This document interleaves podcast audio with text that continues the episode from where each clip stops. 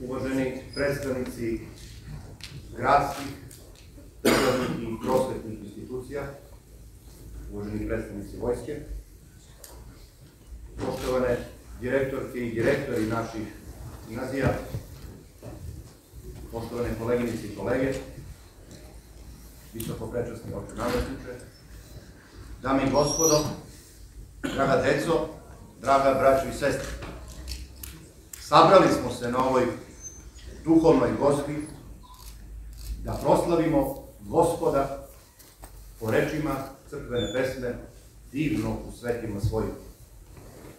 Divno u najvećem svetitelju roda našega, u svetitelju Savi. Zasigurno, srpski narod nema značajniju i nesporniju ličnost kao i većeg prosvetitelja. Napustio carski dvor, odrekao se vlasti i raskošnog života i otišao je na svetu goru. Da najpre popravi i prosveti sebe, kako bi kasnije mogao da popravlja i prosvećuje druge. Celog svog života prema sebi je bio strog, a prema drugima blag. Sve što je imao, davao je drugima. Život je za njega bio jedno davanje i zajedničarenje. Jednostavno, živeo je za druge i sa drugim. Upravo zbog toga, slovo koje ću izložiti vašoj ljubavi i pažnju, neće biti toliko beseda o Svetom Savi, koliko reč njemu u čast. U čast najsvitijem rodu našem, u čast onome koji nas je najlepše predstavio svetu, u čast onome koji nas je sa svetom mirio, u čast onome koji gde god se pojavljivao, tamo su tuđini postojali srodnici, neprijatelji, prijatelji, razbraćeni, braći. Ovo je beseda o duhu njegovog nasleđa i njegove duhovne zaostavštine. Ovo je hrišćanska svetosavska reč o drugome, o našem odnosu prema drugome i načinu govora o drugome. Sveti Sava je bio čovek koji za sebe ništa nije tražio, a sve dobijao i imao. Mogo je mnogima da vlada, ali je izabrao da služi svim. Što se više odricao od često neograničenih i neobuzdanih potreba ljudske prirode, to je sebe više potvrđivao kao ličnost, kao autentično i istinito čovek Božje. Kod njega je sve bilo univerzalno, saborno, sve čovečansko i sveobuhvatno. Ljubav ka Hristu širila je njegovo unutrašnje biće do neslučenja, božanstva, zapravo bogočovečanskih razmera. Tom ljubavlju on se oslobađao okova smrti i propadljivosti, kao i ograničenosti nacionalne istorije i ideologije. Hristos i crkva Božja učinili su da on postane to što jeste. Sveta i neprolazna ličnost. Večna ikona Hristova. U njemu se Hristos oloplotio, u njemu je Hristov lik najsjajnije i najjasnije zasijao u našem rodu. Po svom načinu razmišljanja, shvatanja stvari, odnosa i okolnosti, Sveti Sava je savremeniji od mnogih naših savremenika. Upravo zato on nije i ne može da bude samo naša prošlost, već mnogodištvo. On je zaista naša budućnost. Naime, on je stvarao autentičnu i otvorenu srpsku kulturu, spremnu da od drugih primi ono što je dostojno za primljeno, ali istovremeno sposobno da odbaci sve ono što skrnavi ljudsko dostojanstvo. Cilj mu je bio da njegova zemlja bude zemlja svetih, slobodnih, raznolikih i različitih ljudi, koji će međusobno da se rađuju.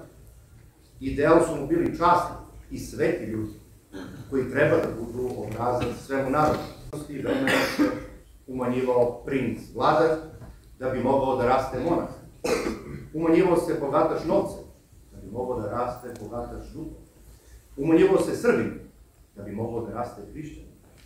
Umanjivao se ratnik, da bi mogao da raste. Zbog toga je, postavši posvećeni hrišćanin, i mogao svoju rođenu braću zavađeno vlast zemlje, pomiriti mirom Hristom. Također, mirio je Srbe sa njihovim susedima i unosio mir među sve balkanske narode. Zato i bio proslavljan na čitavom Balkanu, ne samo Srbiji, kao onaj koji je daleko nadišao državno, nacionalno i opšte sve ovo zemaljsko onim večnim, sabornim, univerzalnim, duhovnim i Hristovim vrednostima. Postupujući tako pokazuje i nama taj uski put koji po rečima crkvene pesme vodi u život. Put kojim je do kraja svoga života nepokolebljivo išao.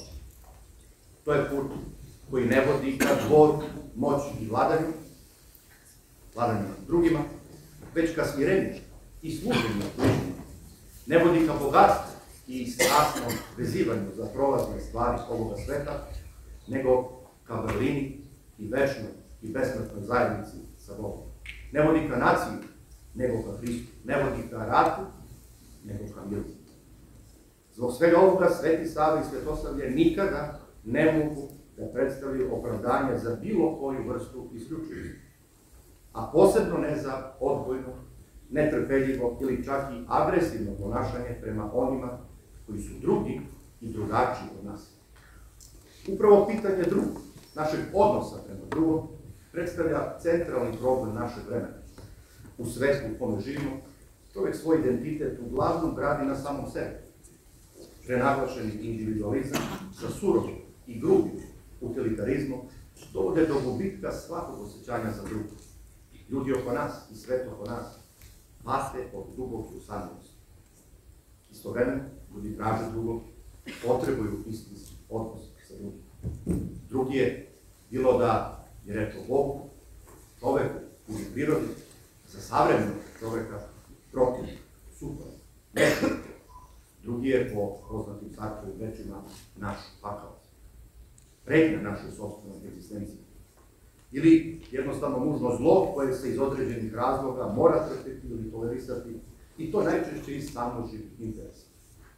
Poznate Kirilove reči iz romana Besik, velikog Dostojevskog, reči ja ili on, zaista izražavaju aktuelnu i realnu dilemu savremenog čoveka.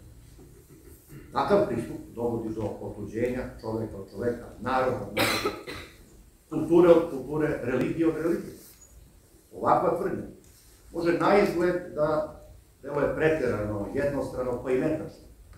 Budući da, zahvaljujući naučno-tehnološkom razvoju, nikada nisu postojali takav integracija i takvo prožimanje različitih naroda, kultura, religije i svetova kao danas. Međutim, ta spoljašna integracija je samo privid. Ona ne umanjuje evidentnu krizu drugog. Ova kriza, kao i kriza zajednice i duha zajedništva, pojavljuje se na prvom mestu u govoru, u našem jeziku o drugom. Naše vreme je pretežno vreme grube i surove reči. Vreme govora monologa, a ne govora dijaloga. Dominantan je jezik moći, prinude i pristave, manipulacije, propaganda, demagogije, zavođenja masa, jalovog moralizma, laži i licemerja. Sa druge strane, i kada postoji dijalog, najčešće reč ne o iskrenom razgovoru, već o protokolarnom diplomatskom dijalogu koji odiše lukavošću, odobrenjem, raznim taktikama i strategijama, otvorenim ili prikrivenim željama da se protivnik, a ne sagovornik, nadbudri, pridobije svoje ciljeve, svoje stavove, da se ograniči ili iskoristi za svoje. Sve ovo nas dovodi do zaključka da danas postoji ozbiljna kriza zajednice, a samim tim i dijaloga i govora o drugim. Ove dve krize uvek idu zajedno. Tamo gde nema razgovora, dolazi do raspada zajedništva i zajednice. I obrnuto. Ljudi danas pokazuju jasan otpor protiv govora monologa, protiv krutog i grubog jezika sadističkih autoriteta, a vape za razgovorom i za drugim. U kulturi razgovora je uvek prisutan susret, sadejstvo, saradnje, međusobno proživanje, opšte, sloboda i ravnopravnost učesnika u razgovoru. U kulturi dijaloga postoji celovit odnos, živa interakcija između ja i ti to jest između onih koji razgovaraju. Kultura dijaloga prepostavlja spremnost učesnika razgovora da promene svoje stavove uverenje, da prime i prihvate stavove drugoga kao svoje. Ako nema spremnosti za promenu, za prihvatanje i primanje drugog, onda je razgovor sterilan i besmislen. Tada se on svodi na ono što često polemiku, raspravu, slavu i pretek. U hrišćanskom poimanju čoveka drugi je zapravo naše drugo ja, druga polovina naše bića. Uslov našeg ličnog postojanja. Drugi je brat, ikona Božja, najveća svetinja koja se ništa ne može, koji se ništa ne može pretpostaviti, koja se ni za šta ne može žrtvovati, pa makar bili u pitanju najsvetiji ciljevi. Odsutnost drugog za čovjeka znači smrt.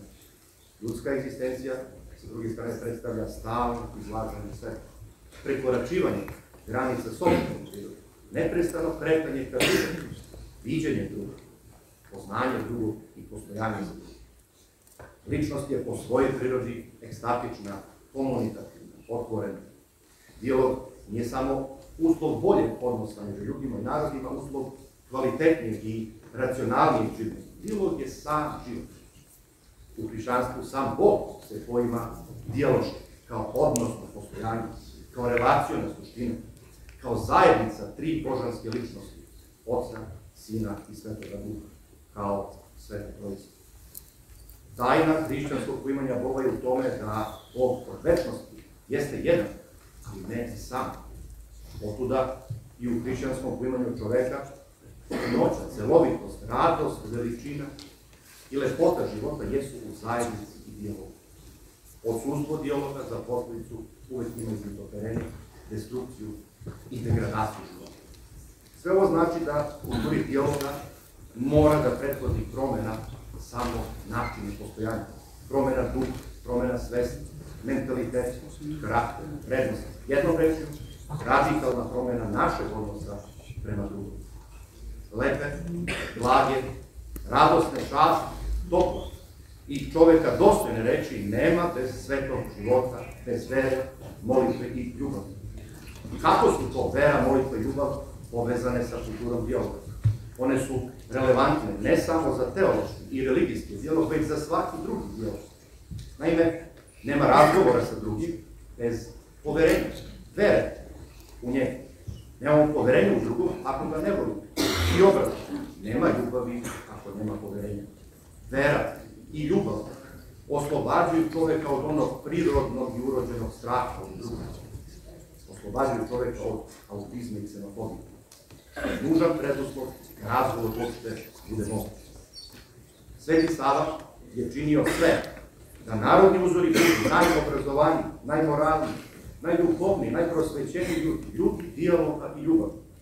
U današnjem društvu, uopšteno posmatrano, nažalost, takvi ljudi često nemaju adekvatno mesto. U savremenom svetu, na prvom mestu su uglavnom estradne i medijske zvezde, surovi takmičari, snalažljivi prevaranti, prosveći i nesposobni pojedinci, ali podno i podbroni. Oni koji znaju pokorno da slušaju, ali ne i da iskreno razgovaraju. Težnja ka moći i ljubav prema materijalnom blagu jednostavno je paralizovala i ušila u nama svaku ljubav prema Bogu, čoveku, istinu, pravdu i dobrotu. Filozofija nasilja zaista ste više triumfuje filozofija ljubavi, licemerije i optimizam nad iskrenom i neštetničnim Sve je nekako relativizovano i prevrednovano. Ljubav je postala strast, istina laž, a laž istina. Koliko je Sveti Sava bio prijemčiv minulim srpskim pokolenjima, toliko se naše pokolenje od njega otuđilo. Svetog Savu možemo ponovo da prihvatimo jedino preumljenje, autentičnim crkvenim načinom života. To ne znači ni povraćanje u prošlost. Naprotiv, hrišćani su uvijek bili okrenuti u budućnosti ka budućem carstvu a ne ka Međutim, u iskustvu vere, duha i prave kulture, prošlost može postati sada i veliko blago za iskorak u budućnost. Obogotvoriti prošlost nije ništa drugo, nego idolopoklonstvo. Ali negiranje prošlosti je zločin.